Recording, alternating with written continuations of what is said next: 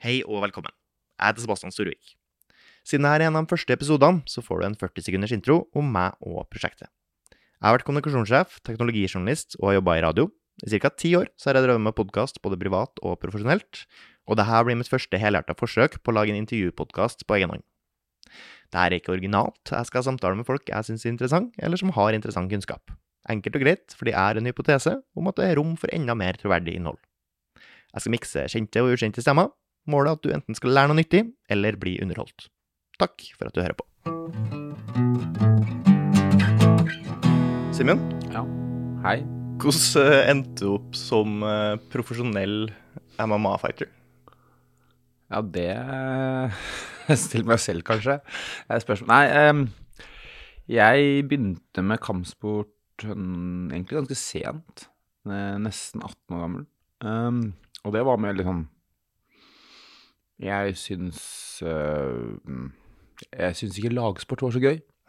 Jeg har faktisk drevet med turn og fotball og basket og stuping ganske mye før jeg begynte med kampsport. Og så var det liksom Fotball var ikke noe kult, fordi jeg likte ikke lagsport. Mm. Du ble alltid sånn Enten så var kla- klaga på de andre, eller klaga de på deg. Så var det egentlig bare sånn Ja, det, jeg er fra Sandefjord, så jeg er en ganske liten by. Og så var broren min og et par andre hadde begynt på thaiboksing. Og så sa de sånn Det her var kult, jeg burde prøve du også. Så jeg møtte opp. Eh, og så har jeg trent turn og en del sånn, ja, mye annet før i livet mitt, så jeg var, har ganske god koordinasjon, så jeg fikset det ganske fort, da. Så Det var ganske gøy. Og så var jeg med på første stevne eh, i thaiboksing, og det rushet man får å konkurrere, det er litt sånn magisk for noen. Det er sånn skikkelig, skikkelig, skikkelig adrenalinrush. Og noen mennesker jeg, jeg inkludert, er, blir litt sånn der avhengig av adrenalinrush. Mhm. Og da ble det sånn Ok, det her var gøy, det har jeg lyst til å gjøre mer av. Eh, og så gikk det vel Skal vi se Gikk ett og et halvt år. Jeg trente bare thaiboksing. Og så fikk jeg en sånn tilbud, eller utfordring, da, av treneren på det gymmet vi var på, om jeg hadde lyst til å bare kjøre en sånn litt sånn eh, Hva skal jeg kalle det? Oppvisningskamp for, eh, på et klubbstevne. Og der jeg skulle møte liksom, en sånn type slash MMA-kamp, da. Der jeg møtte en ren grappler som tagbokser. Og det har vi jo sett i UFC og egentlig alle andre steder. Rene stiler, da taper ofte hvis du ikke kan eh, bakkekamp eller bryting. Mm. Og jeg tapte. Da ble det sånn Ok, dette her må jeg lære selv, for det å tape er ikke noe kult. Så ble det egentlig bare det at jeg begynte med grappling, og da var det samme. Da hadde jeg litt sånn Jeg begynte med grappling egentlig bare for å lære å forsvare meg på grappling som thaibokser.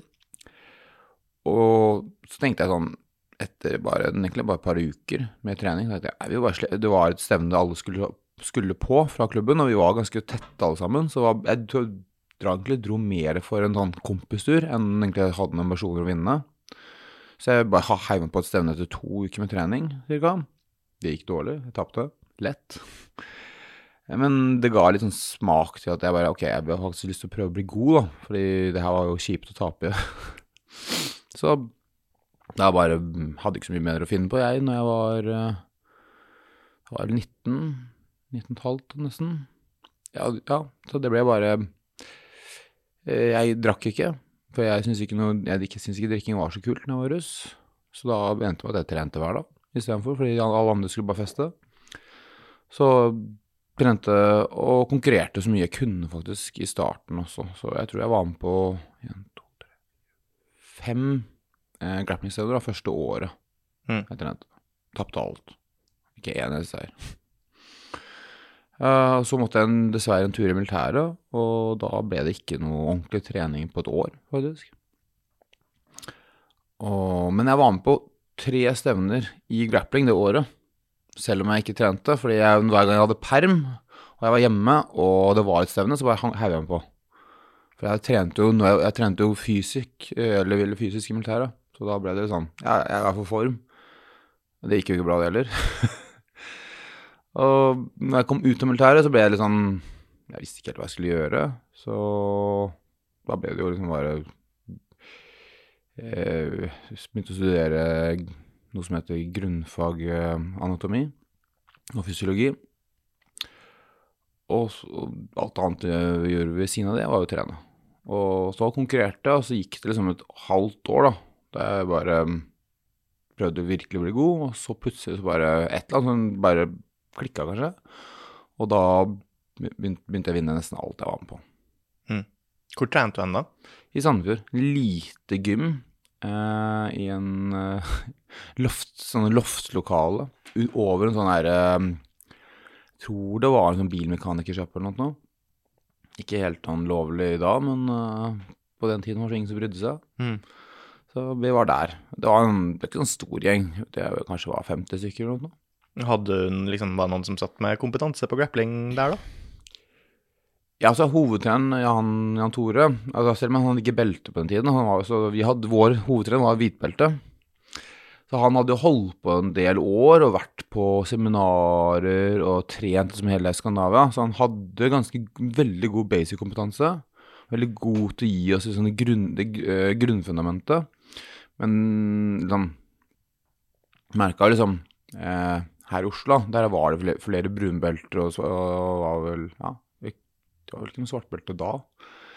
Eh, men det var en del brunbelter og lillebelter, så de hadde jo mye mer kompetanse enn vi. Men eh, vi var veldig sammensveisa, og vi heia veldig mye på hverandre, så vi klarte faktisk å gjøre en del på ganske mye resultater, da. Selv om vi ikke hadde liksom den største tekniske kompetansen. da.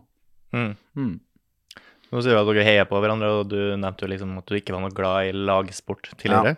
Men altså, kampsport er jo på mange måter også en lagsport. Du må ha noen å trene med. 100% Så det, er sånn når du presterer, så ja, det er, det er deg som selv som presterer, men du har jo et lag bak deg som heier på deg, og da blir det sånn veldig annerledes, fordi det er ikke den samme at laget Hvis en annen MP på laget har en dårlig dag, så gjør, kan det gå veldig mye utover prestasjonen for laget. Her handler det mer om deg selv, men siden du har et lag som heier på deg, så føler jeg med meg at du føler meg løftet opp, da. Mm. Hvis du har et bra, lag, eller bra eh, gruppe rundt deg, eller team, eller hva man kaller det. Ja. Hvis du ikke har det, så er det kanskje motsatt. hvis ikke det. Men vi var veldig sammensveisa. Vi var et, vi var et veldig liten, liten klubb. Og flesteparten av oss var sånn ganske nære alder, og vi pleide å gjøre veldig mye sammen, da. For det var Sandefjord er ikke så så Så vi var mye mer sånn sammensveisa enn større klubber kan bli, da. Mm. Og det hjalp veldig i starten.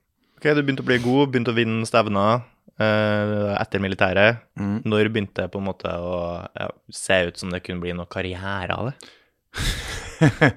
det var et stykke igjen der, altså. Nei, altså eh, Når jeg faktisk har begynt å vinne en del stevner, da, så hadde min trener, da Han hadde kontakt Han har jo, siden han var mye reiste veldig mye rundt i Skandinavia, så hadde han en del kontakter overalt, for han hadde vært på seminarer overalt. Så de Man ble jo forespurt om vi hadde noen som hadde lyst til å konkurrere i et sånn eh, amatør-MA-stevne nede i Hva var det? Malmö. Malmö. Og så spurte han meg, bare, for jeg hadde faktisk jeg hadde konkurrert ganske mye thaiboksing pluss grappling, så jeg var i hvert fall kompetent nok til liksom, å gjøre begge deler. Så jeg sa ja, hvorfor ikke? Uh, jeg var vel nå 21-20 da, så jeg, var, jeg, tenkte, jeg tenkte ikke mer over det. Så da bare Ja, jeg kjører på.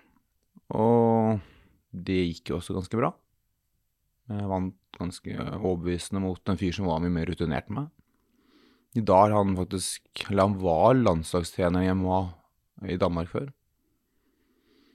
Mm, jeg vet ikke hva han gjør da. Men han er, han er fall en figur innenfor kampsport i Sverige, da. Eh, når jeg vant den, så tenkte jeg sånn Og det her var litt gøy. Eh, igjen, dette adrenalinrushet. Eh, for i grappling så er det, selv om det er, kan være store tilskuermengder, så er du liksom en av hundre som kanskje konkurrerer, da. Eller mer. Altså, det største stevnet jeg gikk på, da var det jo bare i min vektklasse, eller min klasse, da, så var det 64 påmeldte. Så jeg, jeg tror det var 300 på hele stevnet. Mm. Bare til, som var med for å konkurrere, pluss 500-600 tilskuere. Men liksom når du konkurrerer liksom du alene mot en annen foran flere hundre eh, tilskuere, så blir det sånn Det blir en egen greie.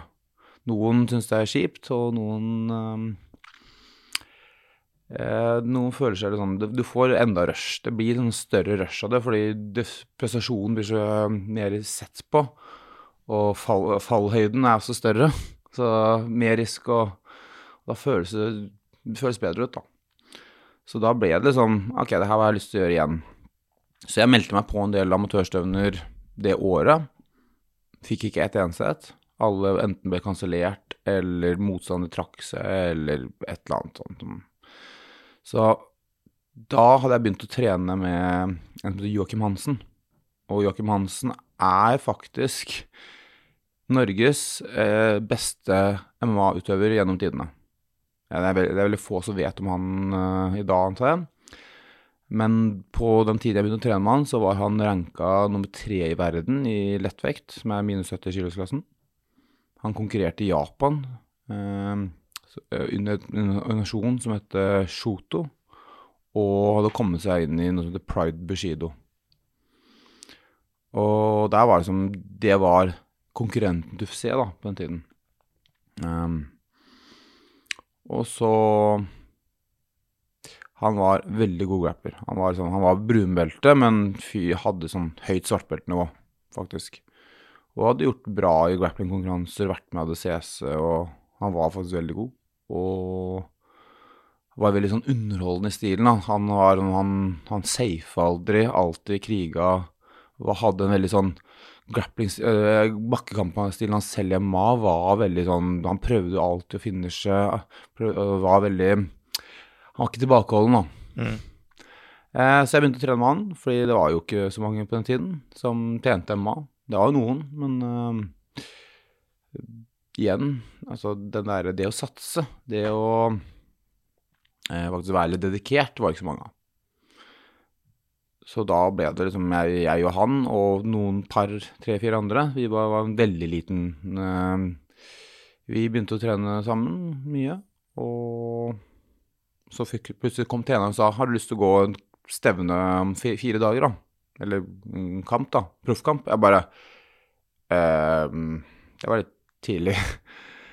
Så ble jeg sånn Ja, hvorfor ikke? Jeg prøver. Så vi dro ned til England. Sånn det her, Jeg fikk beskjed på mandag. Vi dro ned på fredagen. Og det gikk jo greit, men det var jo ganske Jeg merka fysisk så og psykisk så var jeg ikke helt forberedt. Siden jeg hadde ikke noe tid på å forberede meg. Så det tok litt på, så jeg ble ganske sliten og utmatta. Husker jeg vant jo, men det var sånn Det var, det var, det var på nippet. Det var, sånn, sånn ille at Det er kanskje noe man, man hører ofte, noe som er adrenalindump. Og det er liksom når man Måten det føles på, er at man blir veldig gira pga. stresset. Man går veldig mye på. Og adrenalinet egentlig øh, hever deg ganske mye, men når det liksom forsvinner, da, så bare krasjer kroppen totalt. Og det føles, det føles som beina er lagd av bly, og alt du gjør er bare sånn der går i Det føles som du sitter fast i grøt, da. Mm. Og det fikk jeg da i slutten av den kampen. Eller sist, ja, sist andre runde. Så jeg husker at jeg bare, å, jeg bare tenkte her går det ikke. Nå.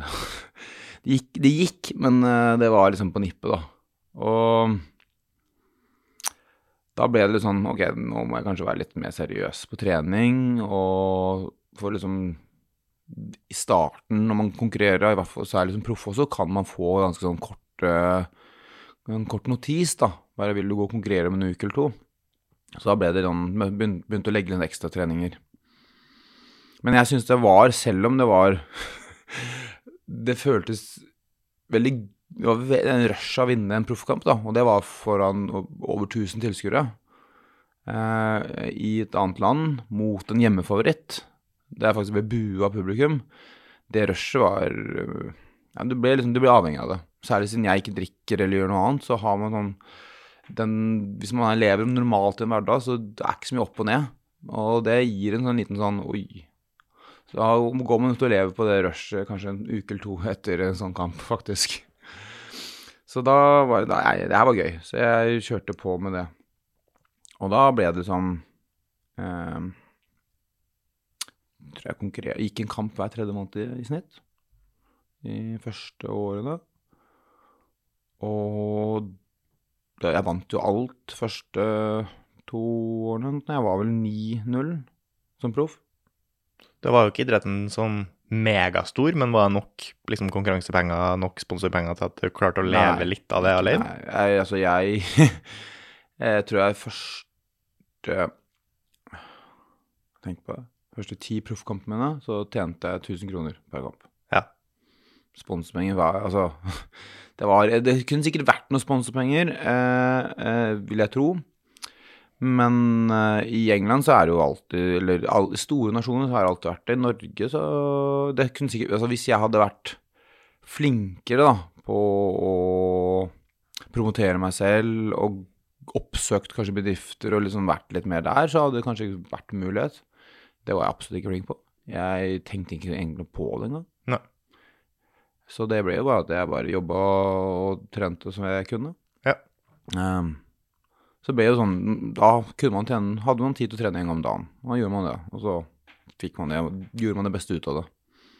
Siden jeg trente med en veldig dyktig utøver, så fikk jeg ganske mm, Jeg fikk ganske sånn Jeg trente jo med en av de beste i verden, selv om han var klassen under meg. Så mitt, mitt tekniske nivå og liksom konkurransenivå var liksom jeg, Siden jeg ofte det jeg konkurrerte med i starten, var jo folk helt mye med lavere nivå. Så det, det gikk jo gikk seg til, da. Det gjorde det. Faktisk. Så Men eh, det var jo ikke noe, det var ikke noe proff over noe av opplegget vi gjorde. Men hvor proff var, proft var på en måte mindsettet og treninga og spisinga og søvn og alt? Hvor diala inn var du på det på det tidspunktet? Ikke helt tatt. Nei. Altså, jeg visste jo ikke vi visste, Han visste heller ingenting. Han var bare flink. Han var supertalent. Ja. Så det var egentlig jeg også. Eller jeg er jo ikke sånn supertalent, men vi var, vi var vi bare Det var egentlig en sånn kompisgjeng som trente med hverandre. Eh, ingen, ingen av oss kunne så mye egentlig om kosthold. Jack var faktisk ganske flink på kosthold når Jack kom. For han kom vel når jeg var sånn Ja, han kom ca. da jeg begynte å gå proffkamper. Rett rundt der, for han var 18 da han kom til Norge ca. Han hadde som han, for han har jo drevet med bryting siden han var ni eller åtte år gammel, så han, han er sånn Han kunne det med vektnedgang, og for han hadde altså, Bryting er jo mye eldre, Ja. og der har du trener med kompetanse, så han, han hadde liksom den delen. Jeg var mye sånn Jeg bare jeg tenkte sånn jeg prøv, Det ble sånn hver kamp så lærte jeg litt mer om kosthold, litt mer om hvordan man skulle gå ned i vekt, litt mer om man skulle det, litt mer om kanskje trene riktigere. Man lærte liksom for hver kamp, da. Eller, eller av og til så lærte man ikke, man gjorde noe feil, og så bare ok, det her vil jeg ikke gjøre igjen. Mm. Så det ble sånn bare Vi brukte Altså, jeg, jeg fikk erfaring fra å konkurrere, da. Learning Så, by doing. Ja, ja. Det tar litt lengre tid. Men så tenkte jeg liksom etter hvert, da begynte jeg liksom å Jeg begynte faktisk å gjøre litt research eh, og søke opp ting sånn på internett og sånn. Og være litt kildekritisk også. Bare hva bør man gjøre? Hva er best, mest optimalisert? da, Hvordan bør man trene? Eh, hvordan bør man spise? Hvordan bør man rehydrere seg etter innveiing? Forskjellige ting, da. Jeg begynte liksom å tenke etter hvert, da, når man sånn faktisk ble, liksom, møtte folk som hadde gått en 20-30 proffkamper, da, og var de sikkert gjorde det samme selv. Så tenkte jeg skal jeg liksom konkurrere med folk på det nivået, så bør jeg kanskje legge meg på samme nivå, da. Så det begynte etter hvert. Jeg tror når jeg begynte å være sånn Hadde gått noen 10-12 proffkamper, da begynte jeg å tenke litt mer sånn det mindsettet at nå må jeg faktisk For da var jeg faktisk ranka høyt. Da var jeg topp syv i Europa. Og jeg vet ikke hva det var i verden, men kanskje rundt topp 30 i verden, da. Og da må man begynne å tenke litt mer sånn ok, nå må jeg få ta det her seriøst. Hvilket år er vi da, cirka? Eh, det her er rundt 2011. Ja. Ja. Året før UFC? Ja. ja. Hvordan var det, da? Eh, Å liksom endelig ta steget til UFC, som har på en måte blitt ganske stort på det tidspunktet? Ja, altså, for noen, det var jo en del år før. Jeg vet ikke hvilket år første Tuff var. Men det må vel være sånn 2005 eller noe. Mm. Et eller annet rundt der. Altså, Tuff gjorde UFC megastort. Mm. Det er jo, du vet hva det er? The Ultimate Fighter Show. Ja. Ja. Det var et program der de Ja. tok inn liksom eh, rookies fra Eller ikke bare rookies, men eh, litt ukjente MMA-fighters. Og Ja. så kjemper de mot hverandre, og så er det på en måte last man standing får lov til å gå UFC. Ja, basically. Egentlig. Det er jo egentlig Big Brother, bare Ja, og litt reality-elementer inni Ja, det også. det er veldig mye reality-elementer. Uh, så det gjorde det megapopulært, faktisk. Og det her var jo ganske mange år før jeg kom i FC, så det var jo, da var det allerede skikkelig Du hadde sånne superstjerner som John Jones, eh, George St. Pierre Så det allerede da var det liksom det, eh, Og før det så hadde jo de kjempe, eh, noen som, som var faktisk kjempestore stjerner. Det var Randy Couture Mm. og en som heter Chuck Liddell og Tito Ortiz. Det var jo allerede hadde fått sånne megastjerner, da. Så det var veldig stort.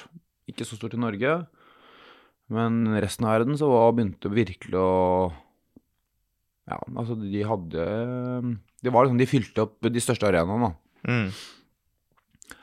Så jeg husker jo liksom, det var et par år før jeg kom i UFC, så begynte jeg som om Da var jeg sånn topp Jeg hadde liksom blitt topp syv-ranka, og jeg hadde liksom Hadde begynt, begynt å møte eh, folk som var helt i toppen da, av Europa.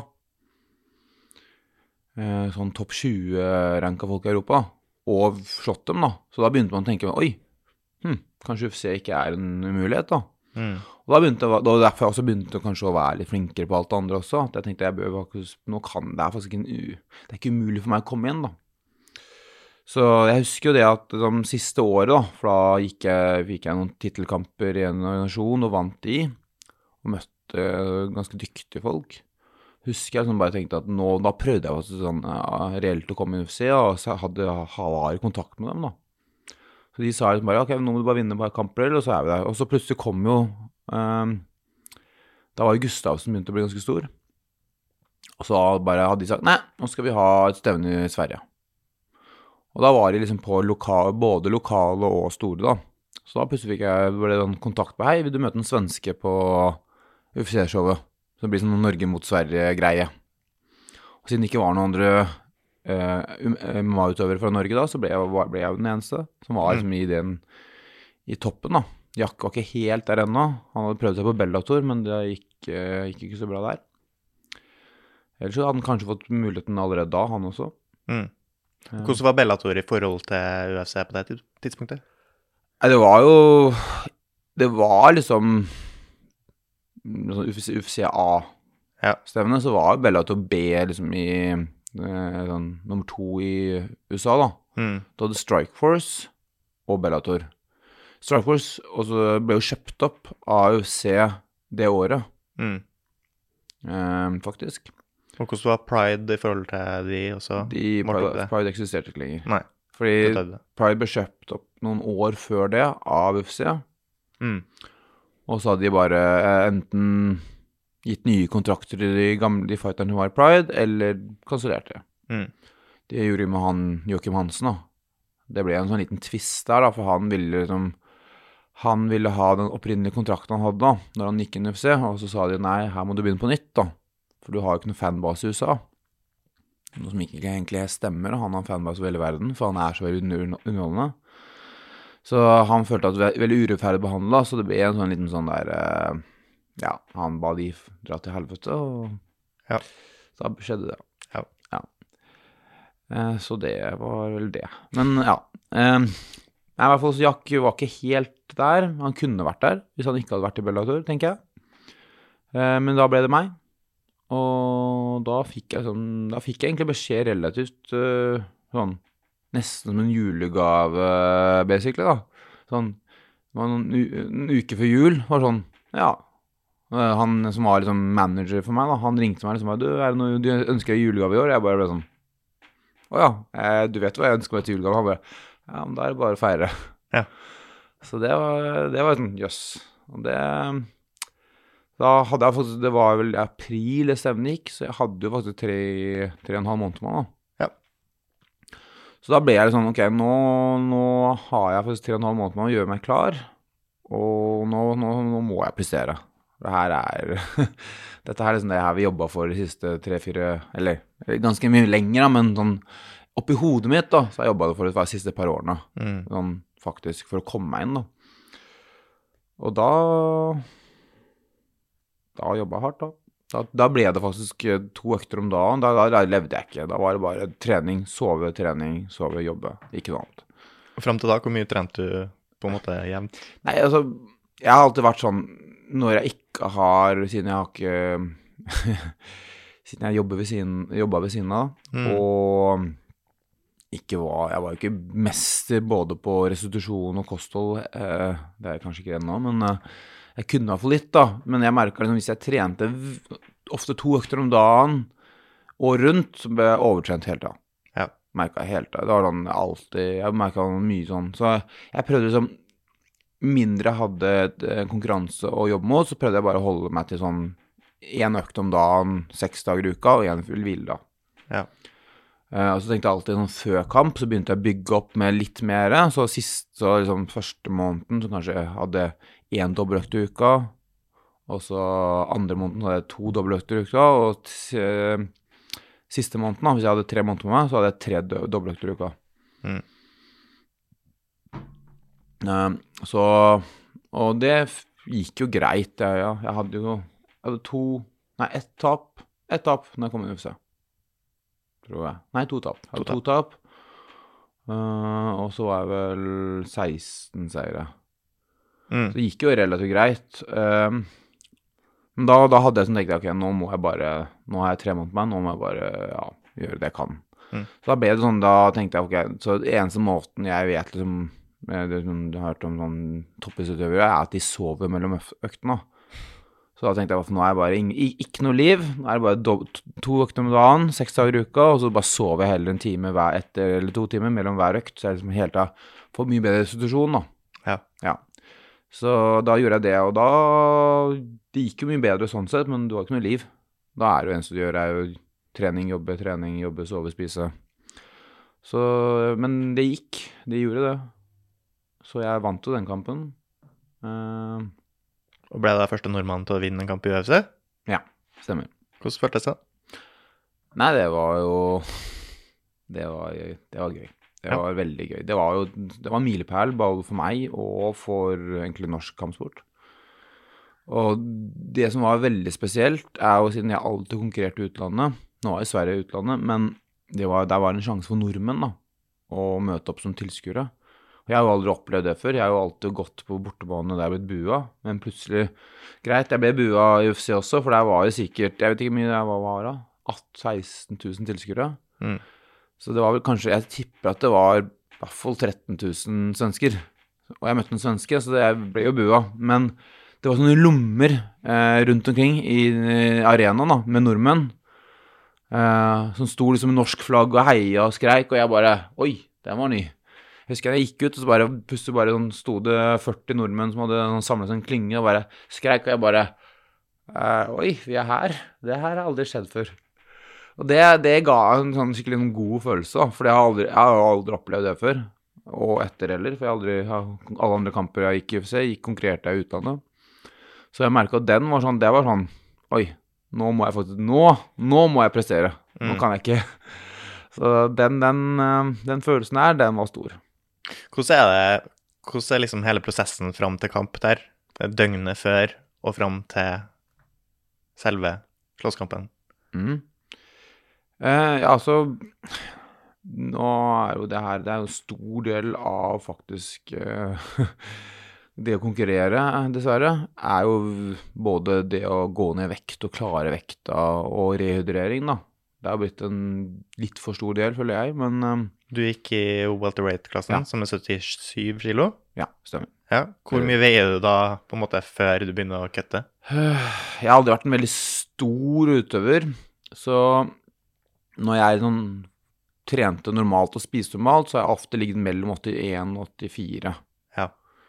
Um, så ofte det har jeg, da har man bare redusert kaloriene litt over uh, det som kalles fightcampen, da. Så hvis jeg var flink på kostholdet, så kunne jeg ofte ligge på rundt 80 kilo, eller 81 kilo siste uka. Og da var bare kutt, kutt, man kutter ut salt og sukker, da, som binder en del vann, så end, kunne jeg ofte ende opp på sånn rundt 8, 79 kilo på torsdagskveld. Da. Så når jeg våkna på fredag, så var jeg rundt 79 kilo. Mm -hmm. jeg har hørt om folk som har kutta ti kilo samme siste dagen, altså før veien. Uh, det har ikke jeg noen erfaring med. Det meste jeg har kutta siste dag, er tre og en halv, tror jeg. Ikke jeg husker helt feil. Hva gjør du da? Svetter du ut, liksom? Altså, ja, man må svette. Uh, så det er liksom Man prøver liksom å eh, redusere kaloriene fram til si onsdag, da, Uh, før innveiing. Og da er det da er egentlig basically torsdag er, For noen er fasting. Både vannfast og ikke noen kalorier. Og så er det Noen liker, har jeg forstått, at de liker nesten å være helt klar på torsdagskveld. Så de bare slipper å drepe seg selv på fredag. Det er jo noe, det er forskjellige måter. Noen tar på seg svette, en sånn svettedrakt. Det er basically en plastikkovertrekk. og hiver seg på ergometersykkel eller tredemølla, eller gjør lett skyggeboksing, puter. Så det er sånn på av på av det. Eh, andre gjør, gjør det samme, slenger seg i badstua. Uh, det er blitt veldig populært med noe som heter vann- varmebad. Ja. Og det er at man tar så varmt som man klarer å ligge i. Og så kan man putte noe sånn salter i, fordi det, salt vann trekker væske ut av kroppen. Mm. Så ligger man i varmebad så lenge man orker, og når man og begynner å svette skikkelig mye, og så når man er liksom, må ha en liten break, da, eller vannet begynner å bli kaldt, så skiver man seg enten i senga eller på et eller annet sted og bare slenger masse dyner så du holder varmen da, og fortsetter å svette. Så gjør man den prosessen nok ganger til at eh, ja. Mm. Så det er jo rett og slett Du skal bare Siste to døgnene så handler det om å fjerne væske fra kroppen. Mm. Ikke, det er ikke, du får ikke kalorier redusert på så veldig mye mer enn da. Da er det, handler det faktisk om bare få bort så mye som mulig væske.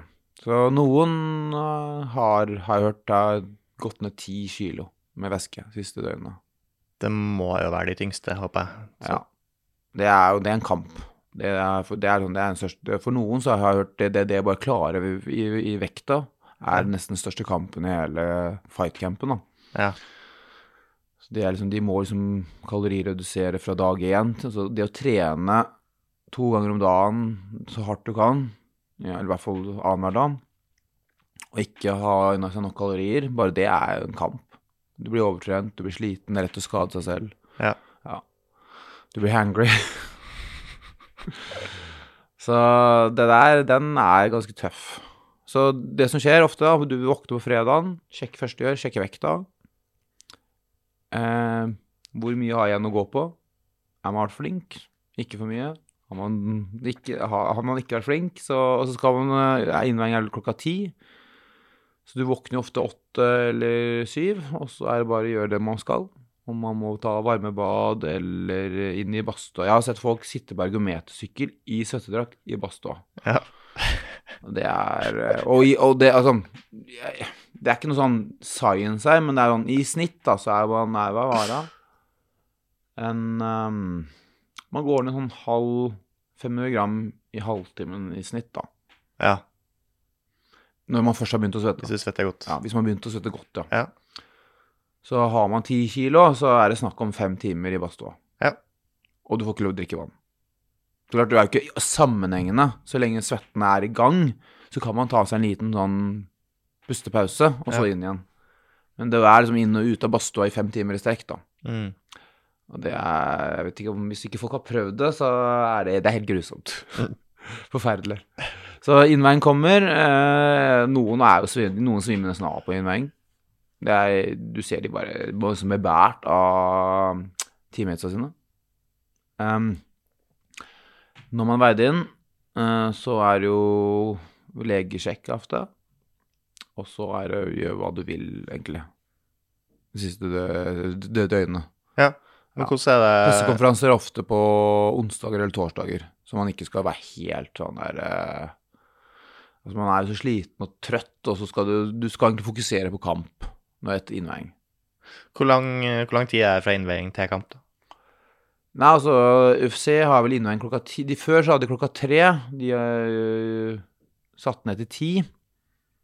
Så har de, de har liksom De har liksom ekte innveiing, og så er det offisiell innveiing på kveld, litt senere på dagen. Ok. Fordi innveiing er liksom en del av sirkuset, da. Mm. At du kan, publikum kan møte opp, se Det er face-off. Ja, man, ja, man har sett det. Det er en liksom Du har en, Joe Rogan eller noen andre som roper dem opp. Det er litt show, da. Mm. Um, altså Ja. Ja, hvor lenge går det fra Wayne til kamp? Det, varierer jo. Du Prelimsa starter vel syv på kvelden, tenker jeg.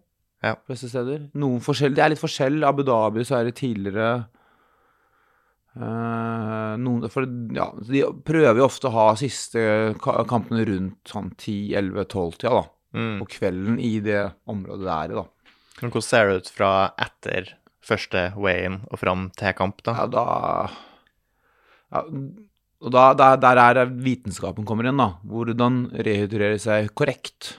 Fordi de fleste mennesker da, som har kanskje fasta et døgn eller to uten å egentlig ha lyst til å gjøre det, og ikke drikke noe, de blir jo litt sånn Impulskontrollen blir litt dårlig.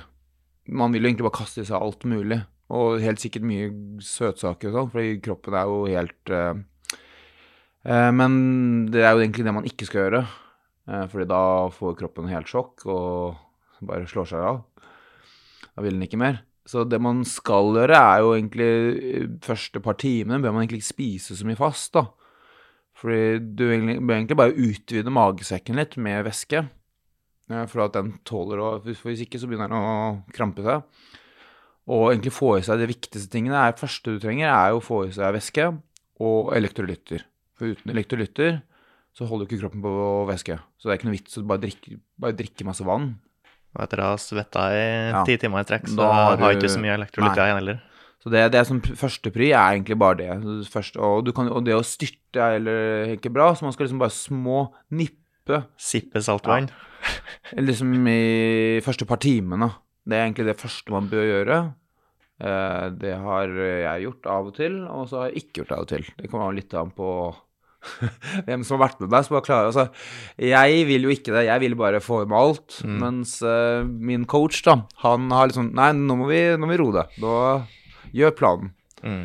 Um, så hvis man skal ha en vellykket rehydrering, så er det jo nesten at du skal nesten ikke spise noe i starten.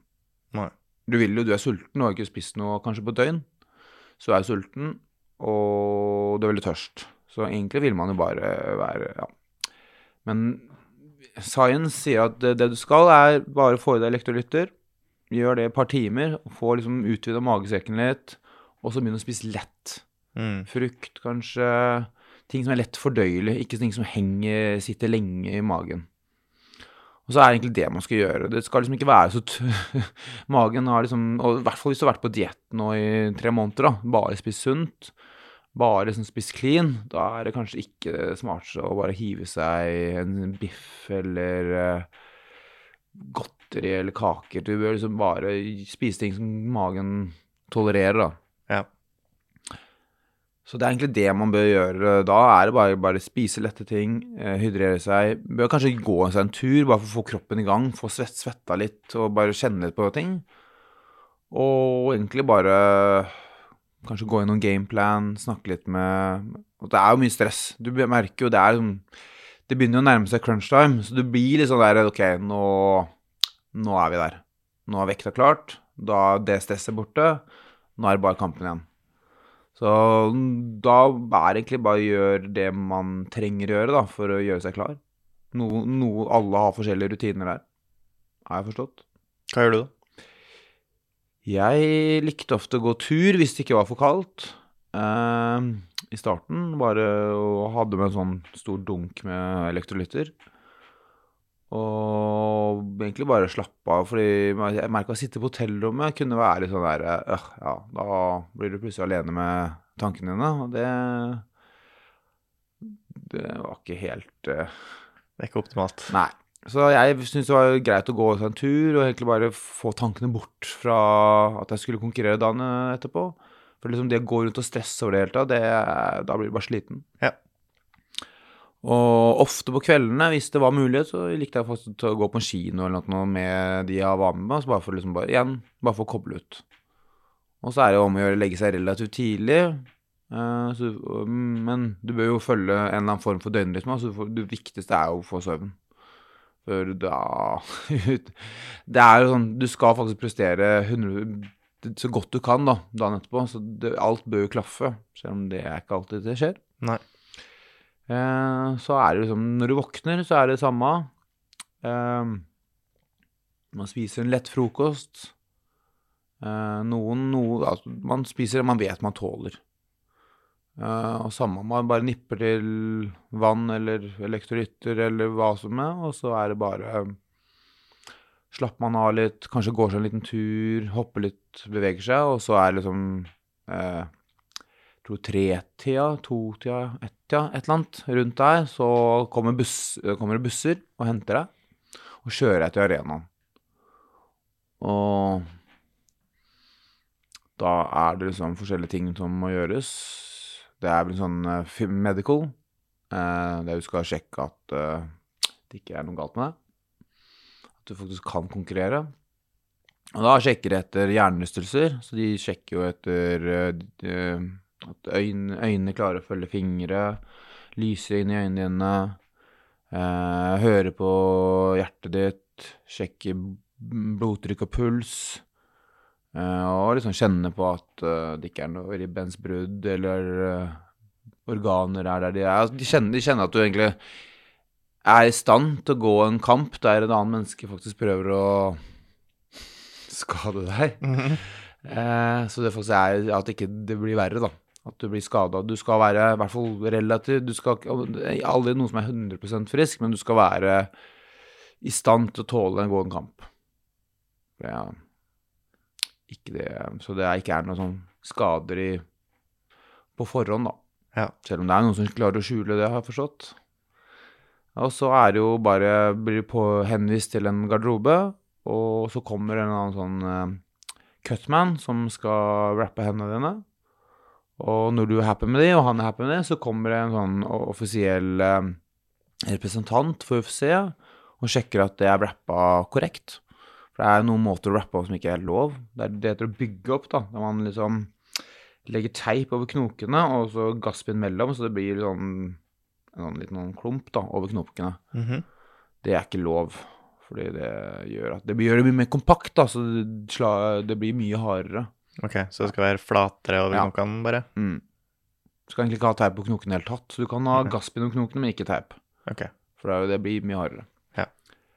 Og når han er happy med rapsa, så signerer ved liksom eh, siste teipen, da, der det skal være en sånn seil, skal han signere det seilet. Og det, skal, det seilet skal ikke være brutt når du får på deg hanskene. Så du ikke har uh, tukla med uh, rapsa. For det har skjedd. Ja. Og da er man- sitter man liksom egentlig i garderoben og gjør sitt inntil eh, ja, det varierer. Man, man prøver liksom å Man skal ha varme opp veldig godt før en kamp. Du vil gjerne ikke ha sjokkpuls. Ja, så eh, Man har jo Der er igjen, det er veldig individuelt. Noen vil varme opp i en time nesten. Når du varmer opp her etter å ha gått gjennom den kutteprosessen, hvordan, føler- hvordan er energinivået da, liksom? Hvis du har hatt en god redrøring, så kan det føles bra. Eh, men stresset ved å gå kamp eh, Du har forhøya puls. Du har den derre tunge pusten. Det gjør at man føler seg nesten alltid i veldig dårlig form. Det er helt Mhm. grusomt å varme opp, fordi bare alt er tungt. Du føler bare åh, åh alt, altså, Uansett hva man gjør, så bare Dette er tungt. Og det stresser deg enda mer. Bare tenker, jeg er ikke i form. Så, og det er jo så klart eh, Den køtteprosessen er jo ikke optimal. Helt enig. Så det, det i kombinasjon med at man er ganske stressa, gjør at man føler seg ikke eh, 100 som regel. Så liksom det å varme opp, det er greit å faktisk bruke ganske god tid på det og få kroppen skikkelig i gang, da. Sånn der eh, sjokkoppvarming er ganske krise akkurat eh, i sånne situasjoner. Mm. Eh, Så det har jo skjedd av og til, fordi man, ja, ting skjer. Men eh, man bør faktisk bruke litt god tid på å bare få i gang hele kroppen, bare med lette bevegelser, gjøre den kjempevarm, og så heller gire på litt. Man, fordi det er veldig viktig å få sjokkpuls Mm. før man går en kamp, ellers får du sjokkpuls i kampen. Og den sjokkpulsen der, den leder ofte det vi kaller adrenalindump. Mm. Og adrenalindump er øh, Det er sånn Du bare føler deg Ja, du ser, føler deg som å sitte fast i grøt. Ja. Mm. Og du sa også at eh, det er veldig viktig å få en søvn den siste, eh, Ja. siste kvelden før kamp. Ja. Men når du vet at det er såpass viktig å få den viktige søvnen, så kan jeg se for meg at det er litt utfordrende å sovne. Ja. Det er uh, veldig utfordrende. Hva gjør man da? Sovetabletter, liksom? Eller tør man ikke det, eller hva? Nei, de anbefaler ikke sovetabletter. Nei? Eh, man, altså, hvis man skal ta noe, så bør man ta noen sånne innsovningstabletter som hjelper deg med innsovning, men ikke sove. Fordi hvis ikke, hvis ikke alt av det er ute av kroppen, så er du, da har jeg forstått at du kan bli veldig groggy, da. Ja. Og det er i hvert fall ikke optimalt på kampdag. Nei. Nei. Jeg så faktisk han uh, sett noen YouTube-videoer av han verdens sterkeste mann nå, som er Mitchell Hooper han i lag. Tror jeg han heter. Han har tatt uh, han, uh, Før han går i konkurranse, drikker han øl på kvelden før, bare Mhm. fordi det får han til å sovne lettere. Ja. Fordi han tar liksom Ja, jeg vet at det er dårlig med alkohol, selvfølgelig, før, før kamp, og liksom før, før stevne, men det gjør, gjør i hvert fall at jeg sover bra, og Ja. det tenker jeg er verdt det. Altså, søvn er Altså, jeg har jo faktisk gått uh, Siste UFC-kampen min, da sov jeg så å si ikke i det hele tatt. Nei.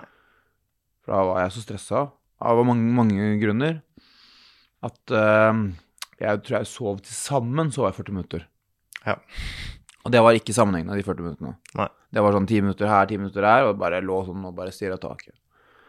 Så ja, søvn, det er uh, Ja, det er nesten så man tenker at alkohol er verdt det. Ja. Kanskje ikke akkurat i en kondisjonskrevende sport, men uh, jeg, forstår, jeg forstår det i hvert fall. Ja. Det jo, du har jo hørt om folk som har prøvd å sove og drikket sånn Polo Costa som drakk en liter vin, da. Det var kanskje litt mye, men Men ja, det er mange som Jeg har hørt at det er mer enn man tror, da. Fordi at eh, ja, søvn for prestasjon er alt, har jeg merka.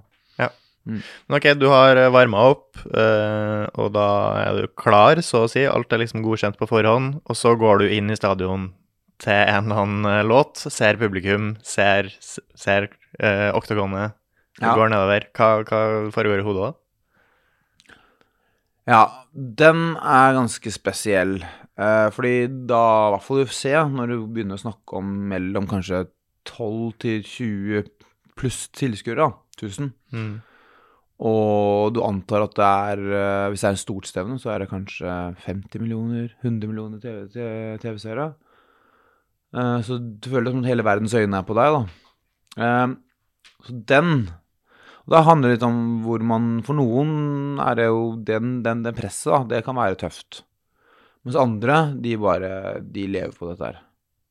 Så jeg husker jo de gangene jeg når det har vært såpass mange tilskuere, og du hører brø Det er et menneskebrøl, altså når 10 000 mennesker hyler.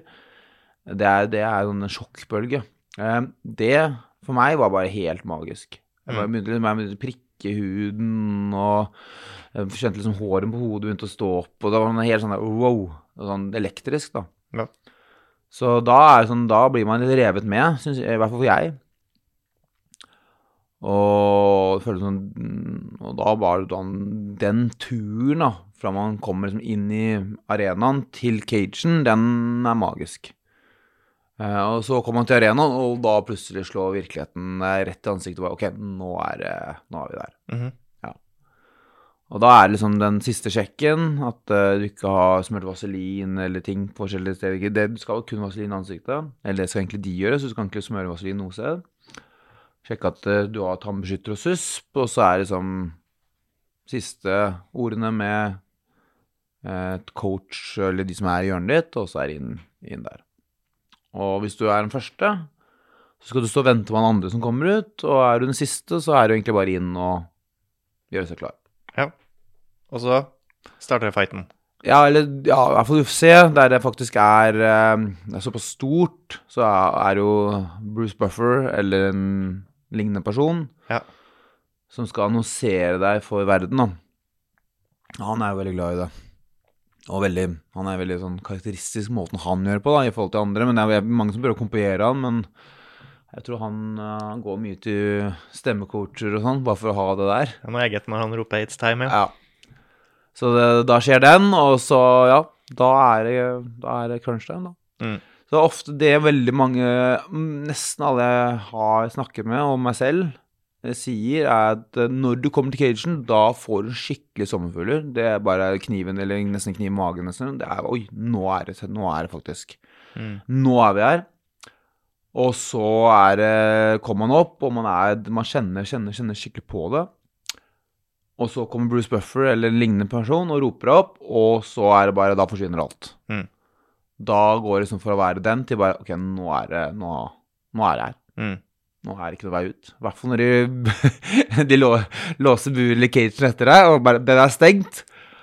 OK, da, da, da, da, er, da, er, er, er det bare Det som ofte skjer da, er da bare forsvinner alle sommerfuglene.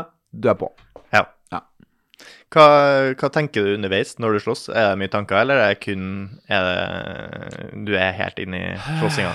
Det er veldig varierende, ass. Eh, hvis gameplanen og sånn du har eh, kampbilde, da. Mm. Fordi veldig mange visualiserer veldig mye. Jeg håper i hvert fall mange gjør det. Eh, hvis det foregår litt, litt som man får, eh, ser det for seg, da, det blir liksom fram og tilbake, så er det ofte ikke så mye tenking. Nei. Hvis gameplanen eller kampbildet som man ser for seg, ikke er helt eh, i lag med virkeligheten, at du sliter, at du ikke får til ting, da kan det bli en del tanker. Mm. Da blir det sånn, ok, da må man begynne å forme en ny plan, eh, man kan begynne å tvile litt på seg selv, da skjer det ting. Mm. Så lenge liksom det foregår liksom som man har Jeg tror jeg visualiserer hver dag, da, siste, fra jeg får vite egentlig motstanderen min til jeg er der. Hvordan, hvordan kampen skal foregå, hvordan jeg skal prøve å vinne, hvordan, hva jeg skal gjøre for å unngå å tape. Så det der er sånn den, har gått den kampen har gått i hodet mitt sikkert tusen ganger, da. Mm. Eh, så hvis det funker, er i tråd da, med hvordan jeg blir sosiert, så føler jeg ofte at ting går av seg selv. Jeg trenger ikke å tenke det her har jeg gjort. Jeg har gjort det oppi hodet mitt en tusen ganger, eller en million ganger for den saks skyld. Dette her kan jeg. Det er når, det, når den ikke helt eh, Det krasjer litt, da, eller gameplanen krasjer, at man bare Oi, jeg vet ikke hva jeg skal gjøre. Da blir det sånn Da begynner det å Da begynner man å tenke mye. Og da, men klarer du å legge merke til publikum, eksempel, når du slåss? Nei, det, Nei, det er helt kobla ut. Forsvinner. Ja. ja. Så, så vidt jeg klarer å høre Eller det handler litt om eh, Jeg hadde jo eh, han gamle coachen min fra Sandefjord. Han har jo stått sikkert i 100 pluss kamper. da. Så når han sier ting, den er bare sånn Den er, eh, den er, en- det er en stemme jeg har tillit til. nettopp. Så den hører jeg overalt. Eh, hvis jeg ikke har hatt en fyr jeg har hatt i hjørnet før, da, jeg har skjedd det av og til, han ikke kunne, folk har blitt skada, hatt en ny en, den kan ofte bare Nei, hvem er du? Mm. For jeg er så vant til å blokke ut alle andre stemmene hans at jeg kanskje ikke hører engang hva det hjørnet sier, da. Eller hva eller mitt hjørne sier, da. Mm. Mm. Hva gjør du da hvis eh, liksom, du merker gameplanen funker ikke? Greit, du må begynne å rekalibrere. Eh, prøver, prøver du å legge en ny plan i hodet ditt, eller prøver du å være mer responsiv på liksom bare rett og slett kontre? Det, eh, jeg vil nok si at akkurat der og da så er jeg mer responsiv. Prøver bare å kontre eh, og bare egentlig bare klare meg gjennom til pausen. Ja. Og så bare Da får jo, kommer jo coachen inn. Han kommer med en plan. Du kan liksom ha, hvert fall- da har, har du i hvert fall et minutt til å puste litt, da. Ja. Fordi der og da, det å liksom bruke noen sekunder eller for å legge noe nytt, har du ikke tid til. Mm. Da må du liksom Ok, nå må jeg faktisk resette meg, nå må jeg gjøre noe nytt. Ja. Så akkurat der og da så blir det ofte Man har ikke tid til å, å du, må bare være, du må bare være reaktiv. Du har ikke tid til å legge noen ny plan. Du må bare Ok, nå må jeg bare komme meg gjennom runden her, og så får vi heller bare resette oss, få noe nytt å jobbe med, og kjøre på igjen. Og hva om det ser ut til at planen funker, greit, det her, eh, du merker at du har overtaket, men, men plutselig bunk et ganske hardt slag i hodet, som du kjenner rokker deg. Kjenner du på noe frykt? Er det noe, liksom, blir det ekstra nerver? Er det sånn, oi, der traff jeg meg faktisk, det kan snu såpass fort? Ja, det har skjedd. Det har det. Det har blitt sånn Oi, nå må vi faktisk være litt uh... Og da For meg, da um... For jeg har jo alltid vært ja, Grappling-nivået mitt da Jeg har alltid vært relativt mye høyere enn alle jeg har møtt. Så jeg har alltid hatt en sånn Nei, men jeg kan jo bare egentlig bare få det til bakken. Så Mm. kan jeg iallfall være safe. Om ikke vinne med en gang. Så jeg har alltid hatt den der Ok, vi, vi gjør gameplanen, men hvis ikke, så må vi bare få det tilbake. Mm. Mm. Det er ikke alltid det har- gått, men eh, det er liksom Det er en sånn trygghet å ha, da. Så det har alltid vært backup å kunne Ja. ta det tilbake igjen. Ja. Eller, ja, det er vel én gang jeg har fått høre at han her bør kanskje ikke gå tilbake nå, for han var eh, Han var veldig god grappler selv. Han var vel han har, Jeg tror han har fått bronse i svartbelte-VM. Mm. Eh, og når jeg møtte han, så hadde han sånn der, eh, så å si alle kampene han vunnet på submission, og var liksom bakkespesialist. da. Jeg fikk, tok jo ned til bakken, og jeg merka jo han Det var jo siste kampen i UFC. Eh, det gikk jo greit, men jeg merka jo han var jo Han holdt på å sette meg i triangel. Eh, og så prøvde han en leglock, men jeg kom meg ut av det han prøvde. Så, jeg, så det var jo Men eh, ja, den kampen er egentlig ikke noe jeg har lyst til Eller er ikke jeg ikke har lyst til å snakke om, men den, den, den var bare Ingenting stemte der. Nei. Så akkurat der og da Det er mange grunner. Søvn var ikke der, som jeg sa. Jeg hadde sovet kanskje 40 minutter til sammen i løpet av hele natta. Eh, og så var det en del andre ting som ikke stemte. Rehydrering og det å gå, altså, det gå ned i vekt var ikke så vanskelig, men det å komme seg opp igjen var vanskelig, for jeg ble matforgifta. Eh, så ingen søvn, og så hadde jeg fått, eh, blitt skalla til et par dager før. Ok. UL. Eh, det var sånn siste treningsøkten, jeg tror det var en torsdag, på torsdag. Dagen før innveien. Eh, litt uhell der. Eh, det var liksom ingen, ikke meninga fra han jeg trente med, men det bare, ting skjedde. Så han skada til meg, så jeg fikk et kutt over øyet. Eh, to dager før kamp. Ja. Så det stressa meg også. Eh, så det var, liksom, det var masse ting da, som gjorde ing- ingenting stemte her. Så når jeg gikk kamp med han, så føltes, så føltes det seriøst som jeg var i grøt fra første sekund. da. Jeg fikk liksom ikke adrenalin- adrenalindump, det bare var Jeg følte det fra første sekund jeg gikk av når jeg varma opp, faktisk, så kjente jeg bare OK, jeg har ikke energi. Mm. Eh, Og jeg, jeg kom meg liksom ikke gjennom og ble gjennomvarm og følte at jeg hadde den energien man vanligvis har. da. Mm. Så bare jeg merka, bare, jeg merka fra liksom morgenkvisten, da, for jeg våkna opp Eller når jeg liksom Jeg lå der bare Nei, jeg har ikke sovet i natt. Jeg har vært matforgifta, så jeg har ikke klart å få i meg nok eh, næring. Og jeg har et kutt over øyet som Kan ikke sy det. Så vi måtte eh, lime det med superlim, da. Mm. Vi, vi, øh, og det gikk jo opp med en gang. Sekundet han traff det, så sprakk det opp. Så det var sånn jeg, eh, Alt liksom, Ingenting stemte. Eh, da. Da, da Det å prøve å forandre gameplan, da, det var jo da, Selv om jeg ble truffet, da. Eh, for jeg, da merka jeg, som jeg, som jeg sa, jeg følte som jeg var i grøt. Ja.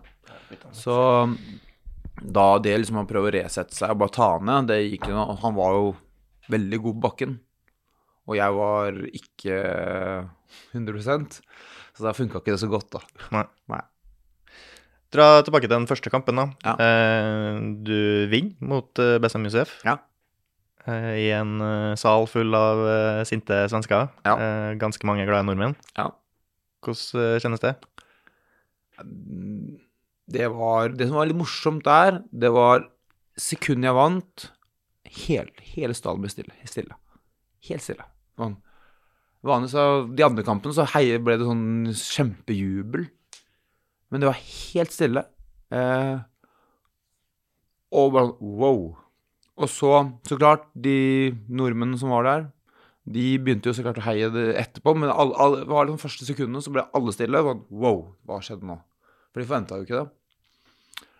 Og så ble det, ja, så noen tusen nordmenn som begynte å heie litt og skrike og juble, og da jeg bare merka jo, jeg sa jo det til han som eh, eh, intervjuet meg, at dette her er liksom en milepæl for norsk MMA og for meg. Fordi nå kan vi, liksom, vi, vi har vist at vi kan komme inn i UFC og vinne. Og det er faktisk Det er nærme, nærme Det er nærme. Det er naboen vår. Så vi, det her er, liksom- nå er det faktisk mulighet for å faktisk dra dette opp, da, og kanskje etter hvert få det lovlig i Norge. Det har ikke skjedd ennå, men eh, vi er på vei. Kan dra litt videre på? Hvorfor tror du at det har holdt igjen så lenge i Norge? Hvorfor eh, gidder man ikke å legalisere eh, slagsport, kan jeg si? Ja eh, Du så hvorfor eh, jeg har jo halvt følge med proffboksing. Mhm. Men proffboks i Norge, jeg vet ikke hovedgrunnen, da, men det for meg føles som hovedgrunnen var pga. Cecilia Brekkhus. Mhm. Vi hadde en, eh, en kvinne som var regnet som verdens beste bokser. Eh, hun var et godt Eller hun er et godt forbilde. Mm. Hun var ikke, hun er et godt forbilde for veldig mange. Hun er en idrettsutøver. Hun gjør ikke mye ut av seg selv. Så hun, hun er en sånn person vi kan, den norske stat da, kan sette seg bak og bare Dette her er noe vi vil, vil skal representere Norge. Og det å arrangere tittelbelta, en VM-tittelkamp i Norge, er en stor greie. Med bra, en bra forbilde som liksom kan være, ha gode norske verdier. Dessverre har vi liksom Vi har ikke en verdensmester i UFC. Nei. Eh, Men det er litt rart man ha, må ha en verdensmester for å gidde å gjøre det det. føles ok, da. veldig sånn ut. Fordi hadde vi hatt en verdensmester i UFC, eh, så ville UFC vært interessert og hatt et stevne i Norge, nemlig. Ikke sant? Siden vi har jo Nå har vi Du må ha Dana White som ringer på døra for Ja, at man basically så trenger vi Vi trenger nok interesse, da, fra verden og Norge til å arrangere et UFC-sted i Norge. Og da ville vil jo visse prosesser skjedd. Første Hadde vi hatt en sånn type eh, Ja, jeg vet ikke om akkurat en John Jones-type hadde funka for nordmenn, men med en GSP-type, da. Ja. En fyr som er ydmyk, hardtarbeidende, ekstremt stueren. ja, veldig stueren. Ja. En sånn person eh, og Norge har ganske like verdier og måte å være på. Så en sånn person som er best, som gjør at hele verden følger med, som politiker bare Ok, det her er en person vi kan faktisk støtte. Uh, og Dana White er liksom Ok, men dette her er bra for både for turisme og egentlig alt. Så tror jeg det hadde vært eh, store muligheter for politikere hadde latt eh, det gå gjennom. Mm. Det har vi ikke. Eh, Vi, er, vi begynner å nærme oss, fordi eh, det som har skjedd nå i den senere tid Vi har proffboksing er tillatt. Eh, Profesjonell kickboksing er blitt tillatt. Thaiboksing nå, som knockoutsport, er blitt tatt opp av Norges idrettsforbund. Vi har et regelverk å skrive før vi kan liksom begynne å arrangere thaikamper med knockout. Og MMA er også begynner, begynner liksom å bli godkjent. Så vi er jo der, men bare først må regelverket bli skrevet, og så må det gå Vi har bare lov med amatørkamper ennå, har jeg forstått, så vi må komme opp til proff først. Mm.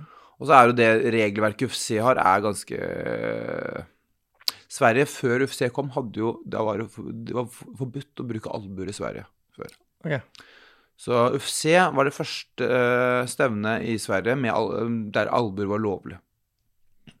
Og så er det det Norge, det er et regelverk, UFC har et regelverk, de kommer ikke til å si, si at nei, vi tar bort albuer bare for Norge. Det kommer aldri til å skje. Nei, nei.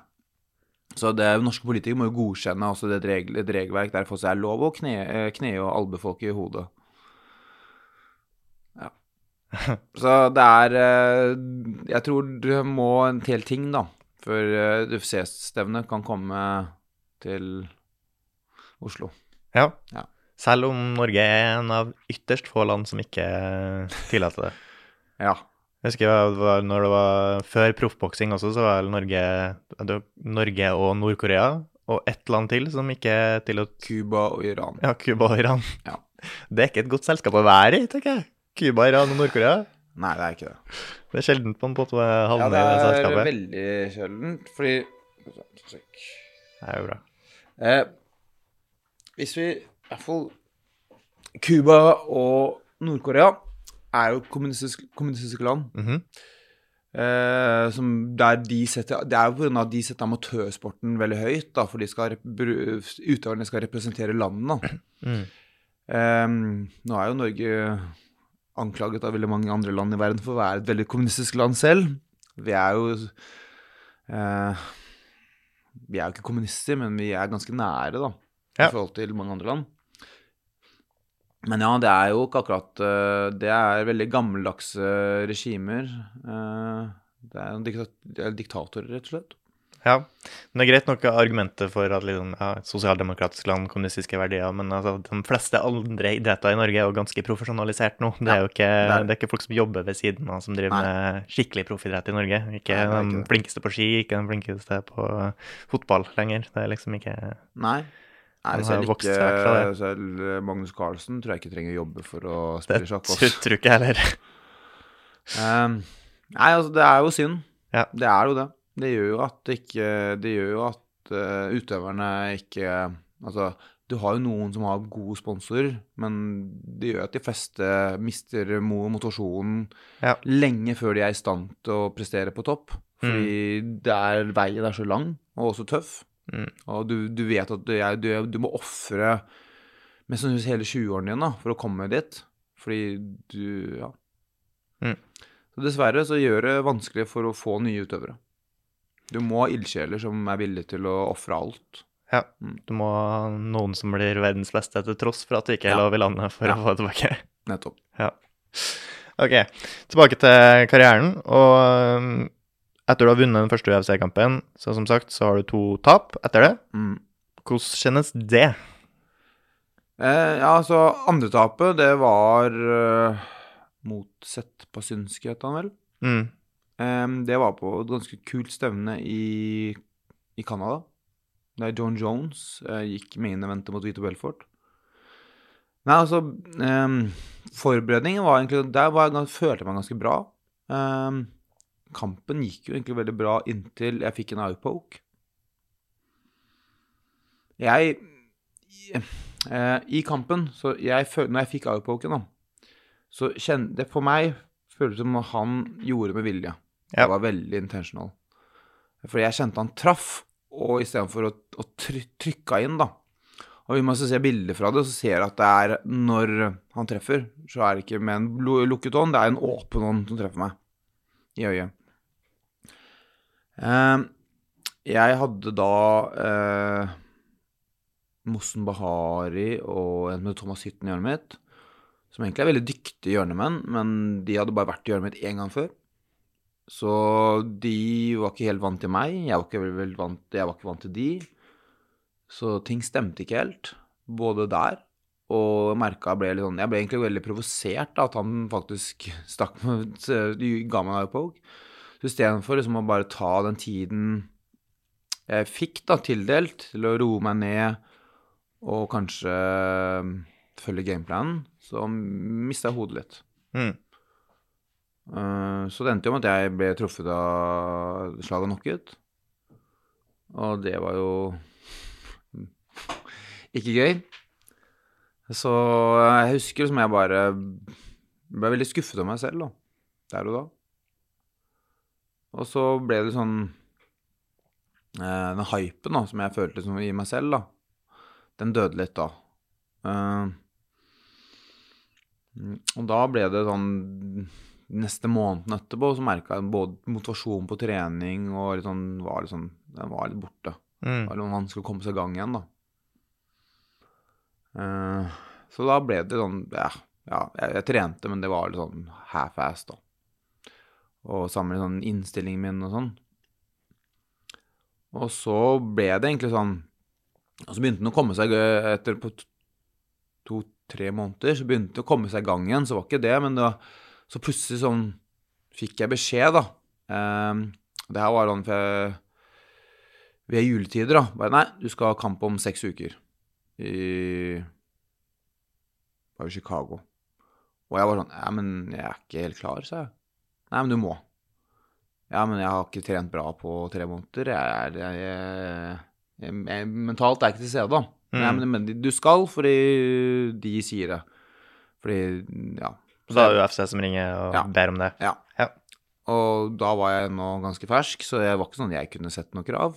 Og, uh, så jeg bare OK, men jeg har Jeg, jeg føler jeg føler jeg, jeg, jeg, føler, meg, jeg føler ikke meg klar, da. Men greit nok. Så jeg, jeg gjorde det jeg kunne på de seks ukene. Um,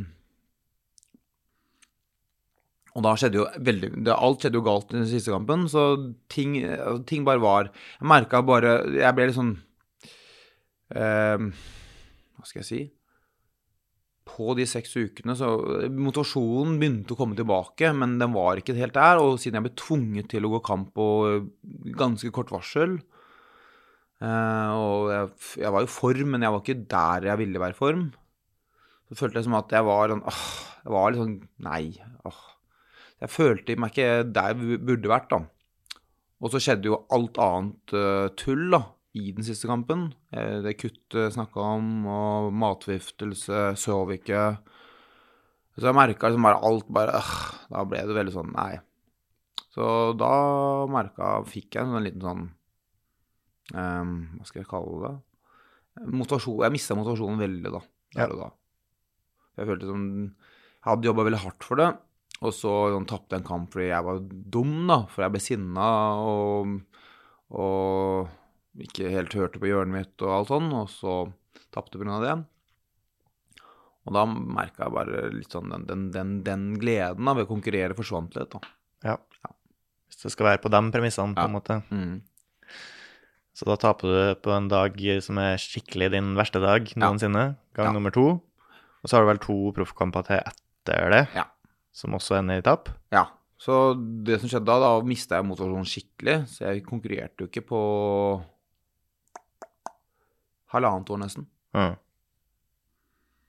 Uh, så da går jeg en kamp i Cage Warriors mot en ja, Han har gått veldig mye kamper, og han hadde ganske bra winstreak der og da. Jeg tror han har noen åtte strake seier eller noe. Uh, som egentlig Han kom fra mellomvekt, som hadde gått ned til weltervekt da, for å møte meg. Uh, den kampen er jo Hvis man har sett den, så ser jeg Eller det er jo forskjellige meninger, da. Men de fleste som har sett den, mener at jeg vinner veldig klart. Mm. Det er to, første to rundene kjører jeg bare over han. Og siste runden er sånn Ja, jeg hadde konkurrert på halvannet år, så jeg, var, jeg ble litt sliten i siste runden, så jeg er ikke så veldig offensiv. Men han er heller ikke offensiv, for han vil ikke bli tatt ned av meg. Eh, for han var en, en thaibokser, eller slash-bokser. Så han bare, han bare stikker av og stikker av, og jeg prøver å ta han ned, prøver å ta han ned. Eh, de gir seieren til han, noe som er, for meg i hvert fall, helt uforståelig. Men han, det, var hjemme, det var hjemmebane i England. Så ja. jeg får skylde meg selv. De sier jo alltid det. det. Hvis man ikke avslutter, så legger man skjebnen sin i hendene på dommerne. Ikke sant. Så den er litt min feil. Uh, og da ble jeg, husker jeg, samme denne motivasjonsknekken. For jeg tenkte liksom altså, Hadde jeg slått han, da, for han var høyt ranket, han var tøff. Han hadde en lang winstreak. Så tenkte jeg sånn, ok, når jeg slår han, så er veien tilbake til UFC ganske kort. Mm. Tar jeg en sånn til, slår jeg en sånn til, så er jeg allerede tilbake. Eh, da ble det sånn åh, husker jeg motivasjonen bare Nei. Og i hvert fall siden jeg egentlig vant. Jeg følte sånn det her er jo bare Så jeg merka liksom bare Ble jeg sånn åh, jeg vet ikke helt hva skal jeg gjøre, ja. Og så fikk jeg tilbud om å gå mot en annen fyr, da. Som egentlig er en fyr jeg, jeg føler selv at jeg burde slått lett. Mm. Uansett. Men jeg merka liksom bare Den gnisten var litt borte da. Jeg trente bra, jeg var i form til kampen. Eh, og samme der. Og, da, og den kampen Han og det, og det, er kanskje både min feil, men jeg følte han også Han var Han, han eide stemmene. Han gikk i. Han var en rutinert fyr. Han hadde gått 40 proffkamper. Uh, og, så han visste jo selv at han, hvis han overlevde, overlevde, så vant han. For det var han som eide stevnet. Uh, så ja, han prøvde jo ikke å engasjere så mye. Han prøvde ikke å fyre meg opp. Så jeg følte som den der kampen var, sånn der, det var nesten en sparringskamp, da. Uh, samme folk som ser den, de mener jo jeg vinner klart. Men igjen, hvis man lar kampen komme til dommerne, så får man, i hvert fall når man møter en fyr på hjemmebane, i hans hjemby, i hans eget show, ja for å skylde deg selv. Så eh, jeg vet jo at det, er min feil. Jeg burde jo gått på mye hardere for å ta han. Eh, men han Han fyrte meg aldri opp, og så var motivasjonen min Den var liksom den var ikke helt der den burde vært på den tiden. Så da tapte jeg den på poeng. Eh, så hadde jeg to strake tap på poeng etter UFC mot to folk jeg burde ha slått, som jeg vet jeg skulle ha slått uansett. Og, egentlig, og, og hvis man egentlig ser på det med objektive øyne, så slår jeg det, men igjen, det får jeg skylde meg selv. Så da blir det sånn Nei, nå gidder jeg ikke mer. Nå merker jeg jeg har ikke motivasjon. Jeg er ikke den den, den, den ilden, da, den, eh, den gnisten jeg pleide å ha, den var borte. Mm. Tenkte jeg, det er nå bare nå Og det er ikke jeg, Når jeg faktisk går inn med mennesker som er, trener så hardt og har det der, og ikke er half-assere, så er det kanskje bare på de og egentlig ikke risikere livet sitt for det. Ja. Så da bare Nei, jeg gir meg. Så da legger du opp. Ja. På mange måter. Ja. Shit. Har du, har du oppsøkt adrenalin andre steder i livet eh, enn eh, fighting? Et, etter det? Mm. Eh, før det, ja, men ikke etter Eller nei, egentlig ikke. Ikke egentlig. Nei. Eh, Jeg har liksom Nei. Ikke på det ikke, Altså, det adrenalin å gå kamp er litt for ekstremt, eh, så jeg har ikke oppsøkt noe lignende, nei. Savner du det? Alle, man, alle som har gjort det, savner det. Ja. Det er derfor du ser mange av noen av de utøverne som ikke har så mye annet, de klarer ikke å slutte. Nei. Og noen kommer tilbake igjen, de gir seg, men de klarer det, for den følelsen er eh, Du føler deg levende. Mer levende enn du noensinne har gjort. Og det er leve på en annen måte enn å eh, Nå har jeg aldri prøvd noen form for rus, men altså, det er jo den derre Du er jo, selv om du ikke er i krig, men, det er, men så er jo faktisk noe på, på, på en viss måte kan man si at livet ditt er faktisk på spill der. Ja, det vil jeg si. Ja. Og det liksom å sette livet sitt på spill, da, i noe sånt noe, der det faktisk er en annen person som er på, i, i, i prinsipp på samme nivå som deg, Ja. Begge har, de, begge har dedikert livet sitt til å være så flinke de kan være, da. Det å overvinne en sånn person, da, i et sånt format, den følelsen er liksom, det er jo ganske unik, da. Mm. Eh, Jeg tror ikke du finner så mange andre enn kampsport som gir den følelsen, i hvert fall på det nivået der, der det er faktisk titusenvis av mennesker som ser på, millioner i verden ser på, He, alle øynene er på deg, den, den følelsen den finner du ikke noe annet sted. Og den er lett å bli avhengig av. Har du inntrykk av at rus er utbredt i kampsportmiljøet? Jeg antar at alkohol, det å drikke alkohol er nei, fordi mm, For skadelig for, er eh, for skadelig for fysikken. fysikken? Ja. Eh, nå er vi, i Norge har jo ikke et så stort eh, Det vet jeg ikke. Så, så, igjen, når jeg, var, når jeg konkurrerte, så var jeg ikke så mye med andre folk. Nei. Jeg hadde ikke tid heller. Så jeg, jeg, løper jo fra trening til trening til jobb. Eh, så Men det, det hører jo noen. Altså det er sånn borti staten Noen Det kommer an på hvilket miljø de er. Noen Man vet ikke. Du hørte jo John Jones hadde jo doproblem. Ja. Eh, det er ikke bare han. Eh, jeg antar at uh, sånn Habib og Hamzati, som er fra eh, muslimsk bakgrunn, de absolutt ikke noe. Mm. Uh, men eh, ja, du hører liksom noen historier om folk, da, i hvert fall som, som vinner, og så blir liksom Nå tar det seg en bender, da. Ja. Ja. Ja, for da inntrykk, Hvis du drar paralleller mot liksom, artistyrket Ja. og musikkbransjen, så er jo mange liksom, Det er ganske likt det der adrenalinrushet Ja. kanskje mange av de får ved å stå på scenen foran så og så mange mennesker som jubler for deg. Mm. Og så når de er ferdige der, så er det sånn «Ah, Hva skal jeg gjøre nå? Jeg må jo jeg må fylle på her. Og så er veien til rus veldig kort, da. Ja.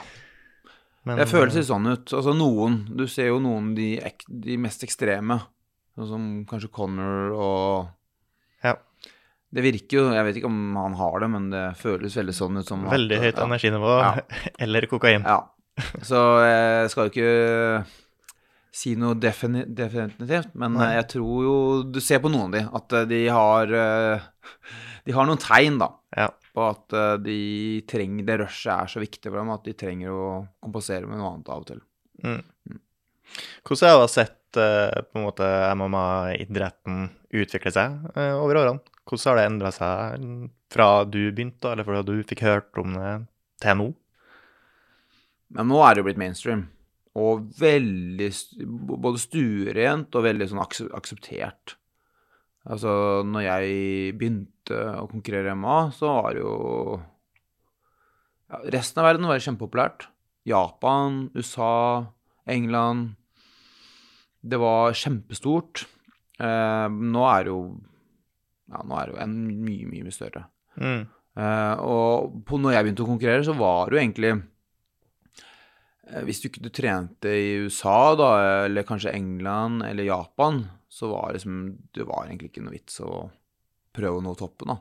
Nesten. Ja, Canada kan for den saks skyld, for GSP og de, men det var liksom Og Brasil, så klart. Um, nå føles det som du kan bo hvor du vil i verden og fremdeles prestere på et øverste nivå, da.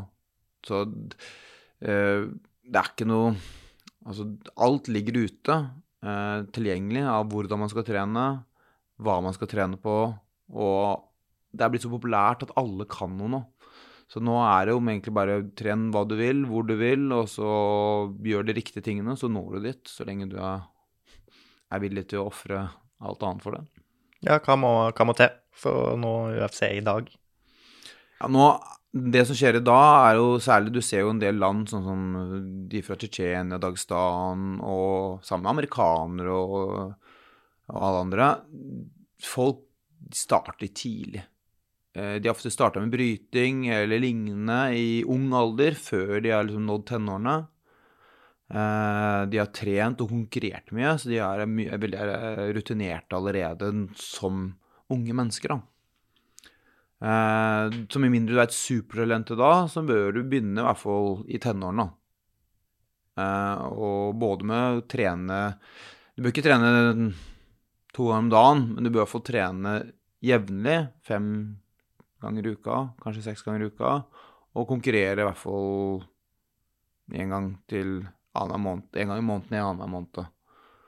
Så du, sånn, den delen da, er liksom Du er ferdig med det å være amatør når du når 20-årene. Mm. Det bør nok være det i dag. Har vi noen i Norge som på en måte kan bli like stor som type Jack er i dag? Eller større? Altså Alltid muligheter. Du har jo noen, men eh, kanskje altså Akkurat nå, den eneste som er liksom virkelig talent da, blant de som er proffer, er vel Jon Vetle eh, på Frontline Muay Thai. Han har muligheten. Eh, hvis ikke så er det en del unggutter som er 12-13-14-åringer. da, som de, er, de trener mye. De allerede, noen har trent allerede fem-seks år. De konkurrerer, og de er Mindsettet deres er at de vil inn i UFC. Jeg hadde ikke det mindsetet før jeg var eh, Jeg kom inn i UFC da jeg var 27, så jeg var vel 25 da. Mm. Da tenkte jeg oi, kanskje jeg skal komme inn i UFC. Mindsetet mitt var ikke Når jeg begynte å konkurrere som proff, hadde ikke det mindsetet. Jeg, Nei. bare, jeg syntes det var gøy å konkurrere. Jeg syntes det var gøy å få adrenalinrushet og mestring og det å føle seg som at man er flink, da. Så hvis du ikke har det mindsettet, så er det jo vanskelig liksom, å komme seg dit. For du må, liksom, du må faktisk dedikere ganske mye av livet ditt. Og trene spesifikt og målrettet. Bare trene for treningens skyld er ikke så Det må være målrettet og spesifikk trening. Mm. Så disse unge guttene på te- te- 12-13-14 år, de har jo faktisk allerede nå så har et målrettet De trener mot å komme i UFC, da. Mm. Det betyr at de prøver liksom å gjøre det lille ekstra da, allerede nå. Så kanskje, da. eh, Jeg vet ikke. Altså, det er de jeg, som jeg ser. Jeg tror Jon Vetle har muligheten. Han er god. Og så tror jeg vi må vente en åtte år før vi ser eh, de som er der da. Ja. Ja. For nå har vi jo på en måte mulighet til å få dem som har gått rett inn i MMA som ungdom, eller til og med barn, og så bare gå MMA hele livet Ja. i stedet for å ta omveien innom taekwondo, karate, Riktig. boksing Mm. eller bryting, da. Ja. Det er ofte de som driver med bryting som blir best, har jeg inntrykk av. Ja. Det har jo vært litt sånn opp og ned her. Ja, Eh, før så var det BE-bakgrunnen som var best. Det starta med BE. Ja. De som hadde jutsu-bakgrunn, de vant alltid. Og så, når bryterne lærte seg jutsu, så ble det bryterne. Og så lærte kickbokserne seg bryteforsvar, Mhm. og så plutselig ble det dem. Og nå har vi nesten kommet tilbake til brytingen, for de, de bryterne som er nå, er jo så ultragode at de klarer bare uansett. Eh, for de, begynte å trene når de var fire år gamle. Så en kickbokser som har trent bryteforsvar i tre år, har ikke nok eh, både kunnskap eller ferdigheter til å stoppe det. Mm. Det ser man jo nå med disse, disse tsjetsjenerne og dagestanerne som er liksom, de har trent bryting siden de var fem år, og har trent profesjonelt da, siden de var fem år. Mm. Eh, det ser man nå. Det, hvis ikke du har lignende brytebakgrunn, så klarer man ikke å stoppe dem. Mm. Trener man mye styrke og liksom kondisjon kombinert med kampsport når man driver proft, eller eh, Ja. Fordi forskjellen mellom amatør øh, Siden amatør er mye kort, kortere, uh, så er det Når det er lange runder, så kondisjon Hvis ikke kondisjonen er der, så da, Hvis du ikke vinner første runde, så er du taper, da. For da orker du ikke Du må være i stand til å fullføre tre runder. Om ikke fem runder, hvis du skal bli verdensmester. Og, han, og, og ja, hvis teknikk er lik, så vil styrke alltid ha en fordel. mm. Hvor mye har styrke å si? hva skal man si Teknikk er alltid viktigst, men hvis du er en proff, så skal teknikken være bra. Ja. Da, hvis, ikke gjort, hvis ikke teknikken er bra, så har du ikke gjort jobben din. Så har du trent ti pluss år, så er det ikke teknikk det skal stå på lenger. Da er det andre ting også.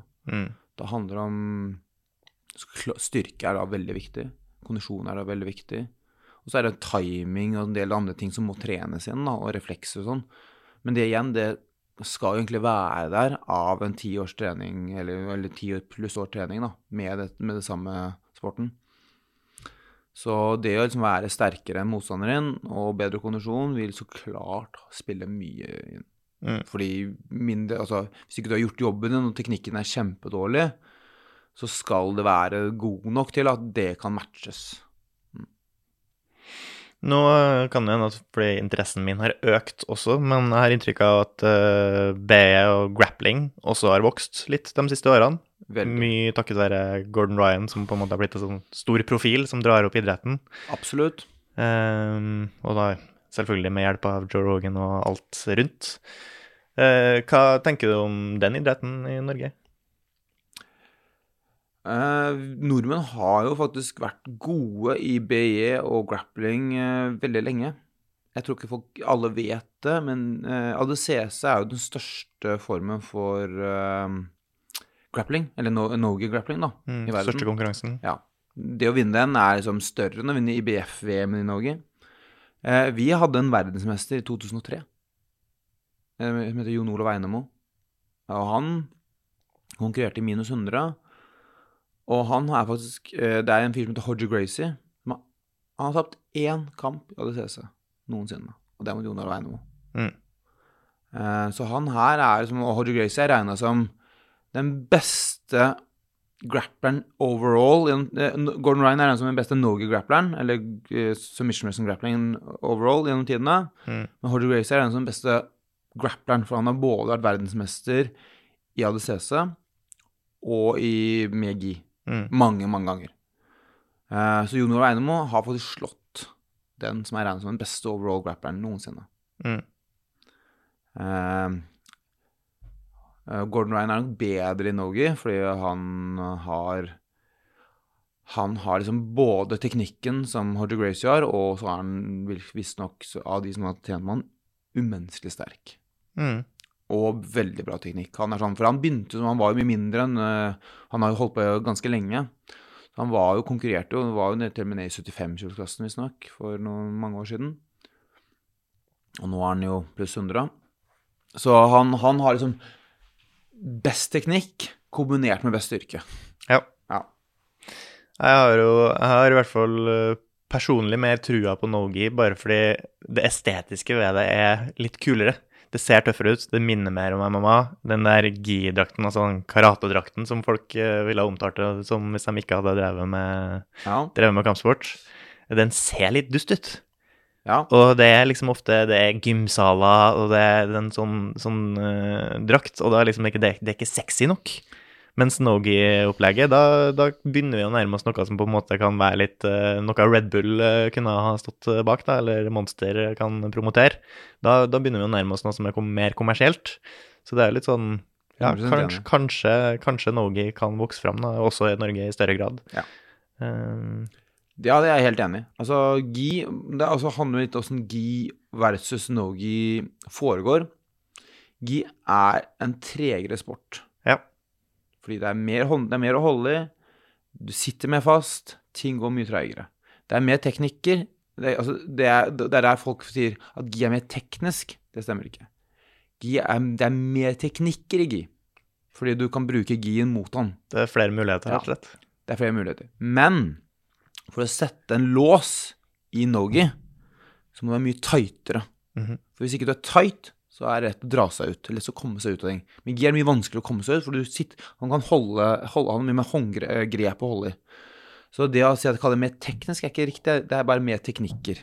Men for å få til de teknikkene du kan i no-gi, så må, så må du være bedre på teknikkene. Mm. Så jeg er ikke helt enig i å kalle det mer teknisk, jeg vil bare si det er mer teknikker. Ja. Du, du må ha et større overall game, ja, men du må være tightere i Norge. Mm. Ja. Hvis du skulle ha, skulle ha begynt med, med profesjonell idrett, eh, kampsportidrett, i dag, ville du, ville du gått mot uh, grappling da, og nogi framfor MMA, bare av liksom skadetrusselen ved det å bli slått og sparka? Altså hvis jeg skulle begynt øh, Det kommer an på hvor gammel jeg er, men hvis jeg skulle begynt med kampsport i dag, og jeg hadde hatt god tid på meg, så ville jeg faktisk begynt med fristilbryting. Mm. Og så eh, supplemert med gi, eh, gi, og så noe gi etter det. Mm. Ja. Hva er grunnen til det? Eh, Fristilbryting gjør at uh, det er en mye mer atletisk form for bryting enn uh, gressromersk. For gressromersk da får du ikke lov til å gå på bena. Du kan bare gå på over hoftene. Så fristill gjør et, et mye større repertoar når det kommer til takedowns og forsvar. Mm. Og så er det rett og slett eh, Det er en mye mer atletisk måte å gjøre ting på. Det er mye mer turning og mye mer jobbing, da. Eh, det gjør at eh, når du skal gå over til grappling, da At man faktisk kan styre hvor kamp, hvordan kampen ender opp. da. Du kan bestemme om du vil ta ned, eller om du vil legge, deg på rygg. Eh, grunnen til jeg ville starte med gi først, er at For meg, da, føles det at det å ta av seg gien gir egentlig bare mer frihet. Men hvis du aldri har trent med gi før, å ta på seg gien, gjør at du blir veldig mer Da blir tatt, friheten blir tatt bort, da. Mhm. Så det er det er lettere som å gå fra mer frihet, eller fra å være litt sånn sitte, sitte fast i ting, da, til bare plutselig få mye mer frie tøyler og jobbe mye raskere og ras fortere, enn når det er motsatt. Mm. Så derfor liksom Skulle man liksom konkurrert i begge deler, da, både gi og no-gi, så er det best å starte med gi, og så kan man alltid etter hvert ta gien og jobbe litt no-gi-relatert, enn å gjøre motsatt. For da er det masse uvaner og sånt man ikke Ja, man har med seg fra gi- no-gien, som man kanskje ikke burde gjøre med gi. Så det er min, min mening, da. Mm. Mm.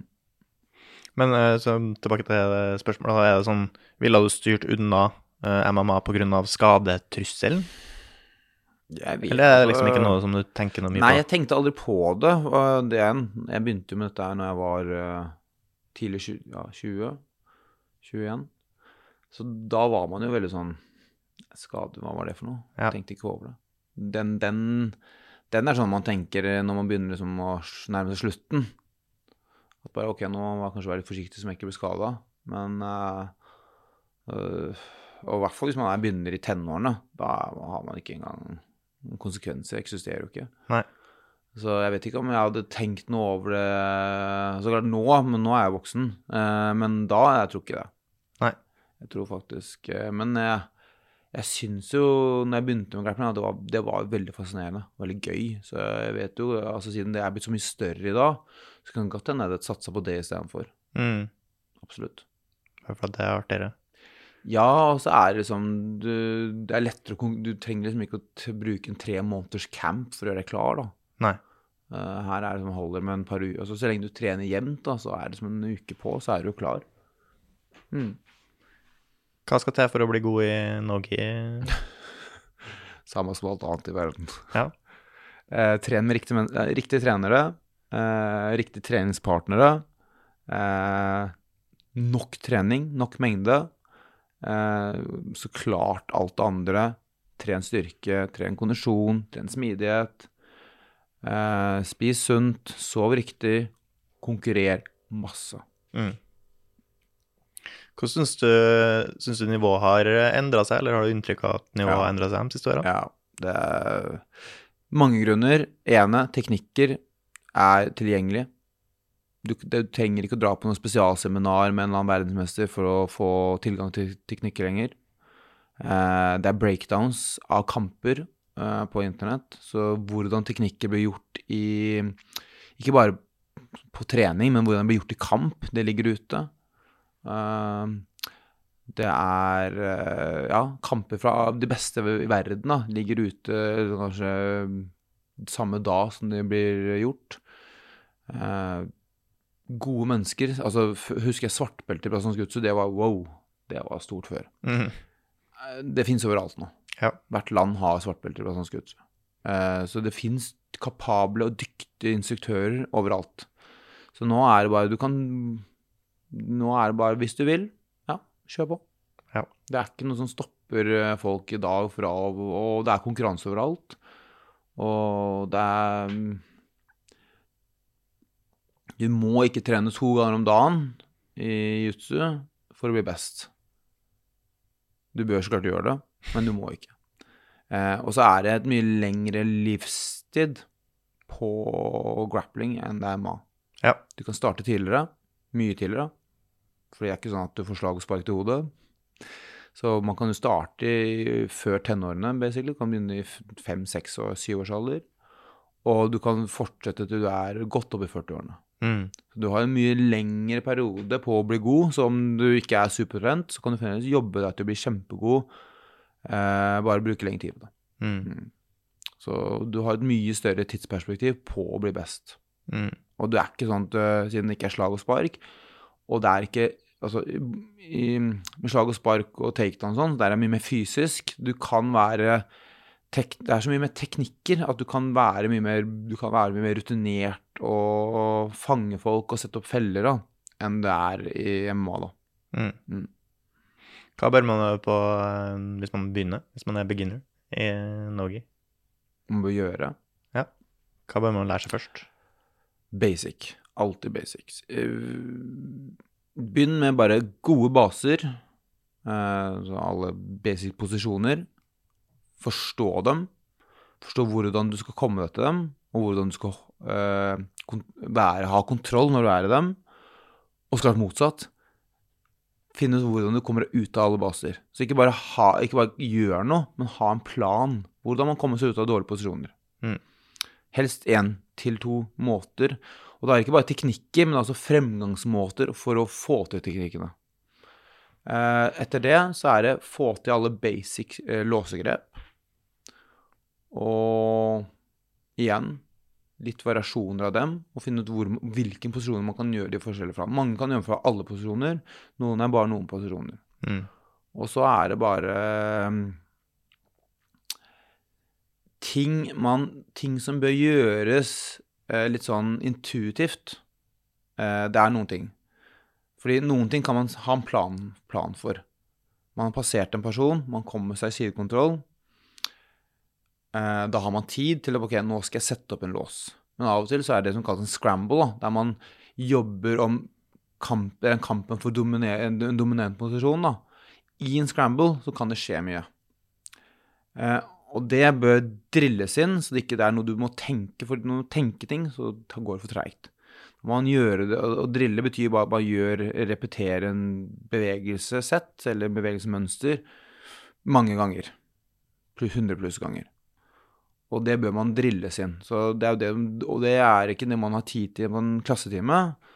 Eh, så da må man gjøre hjemmelekse som alle andre. Finne seg en kompis, komme på åpen matte og gjøre det. Ikke bare, ikke bare kom og spar, men faktisk finn en kompis og gjør den sekvensen eller mønsteret over og over og over til det egentlig er intuitivt, til ikke det er tenkt lenger. Mm. Ja. Så man må gjøre det lille ekstra. Du blir ikke god å bare møte opp på klassetimer. Du må faktisk gjøre som alle andre, gjøre mye ekstra ting. Hvor mange i Norge er det som er bedre enn det i grappling? Uh, det vet jeg ikke, men det er en del. Ja. Det er noen. Uh, Doy Tariq uh, og sikkert Tommy Langaker. Og så har vi Kjetil, som også Nei, det er mange. Ja, det er så mange. Ja, det er, jeg vet ikke hvor mange. Ja, nå har jeg ikke konkurrert på et par år, så jeg vet ikke, men eh, det er, det er nok en del. Åpenbart sånn Tariq som er både Ja. yngre og en av verdens beste, er jo eh, Men det er nok en del eh, Og nå, jeg trener jo ikke på noen konkurransepartier heller lenger. Nei. Så hvis jeg skulle vært min, den beste versjonen av meg selv nå, så burde jeg nok ha brukt et halvt år på å trene på konkurransepartiet. Ja. Og så kunne jeg heller sett, sett det da. Fordi nå Jeg får jo av og til gått med noen uh, high level-folk, det gjør jeg. Men det er ikke sånn daglig. Nei. Det er sånn en gang i måneden så skjer det, plutselig så sparer jeg med en eller annen fyr som er uh, en sånn Kjetil kanskje, eller Tariq, eller noen av de andre. Men det er ikke sånn at det skjer så ofte at den Jeg får ikke bygd på noe, da. Ja. Mm. Så jeg vet det faktisk ikke. Og så er, I min vekt så er det vel Tariq, og så er det Tommy Langaker, og så er det vel hvem andre som er kjempegode, da. Eh, jeg vet faktisk ikke. Det er sikkert en del. Men uh, igjen, jeg er ikke den beste versjonen av meg selv nå, for jeg underviser for mye og trener for lite på konkurransepartiet. Ja. Så hadde jeg liksom, jeg, jeg tror hadde jeg hatt et halvt år der, så så tror jeg jeg kunne vært en mye bedre versjon av meg selv i dag enn uh, jeg er nå. Ok, men den beste MMA-fighteren gjennom tiden, og hvorfor er det John Jones? Eh, ja, hvorfor, hva skal man si der? Uh, han har jo egentlig ikke noe tap. Nei. Egentlig ikke. Eh, hvis man ser på det ene tapet han har, så er jo det en kamp han dominerer totalt til han gjør en ulovlig teknikk, og blir diskvalifisert for det. Eh, det kunne, hadde nok vært bedre om det hadde vært no contest enn en disqualification, men fair enough. Så han er egentlig ikke tap. Eh, Han har slått eh, liksom de beste av i sin tid, da. Når han begynte. Selv når han ble champ som 23-åring, så møtte han liksom de beste av sin tid. Og det har han liksom møtt opp gjennom årene. Eh, og han har alltid klart å vinne. Og nå har han jo til og med blitt eh, heavyweight champion. Mot en som er ikke en litt sånn endimensjonal uh, kickbokser, men som er, har gjort det veldig bra. Har faktisk gått tittelkamp før. Så nå skal han jo møte Stipe, selv om det er en Stipe som ikke er eh, helt eh, der han burde vært. Hadde det vært for fem år siden, så tror jeg det hadde vært en mye bedre kamp. Men vi får se. Men ja, han har jo slått alle, og han, han er en sånn han, Som mange sier, han er ikke best på noe. Selv om brytinga hans er veldig imponerende i mine øyne. Han har tatt ned Daniel Cormier, som er med en av de beste bryterne der. Og han, alle andre brytere har han jo bare egentlig slengt veggimellom. Og han har liksom Han har subba masse svartbelter. Altså, han er liksom Han er ikke best, men han er nesten best på alt, da. Så, og så har han det mindsettet han skal alltid vinne. Mm. Så hvorfor han er best? Altså, det er vel Jeg vet ikke hva som gjør han best, jeg. Han har fysikken, han har mindsettet, han har teknikken, han har styrken, kondisjonen, han har alt. Og så har han det lille ekstra. Og det lille ekstra vet jeg ikke hva er. Det er bare noen, noen er født med det. Tusen takk eh, for at du kom, Simen. Ja, bare hyggelig.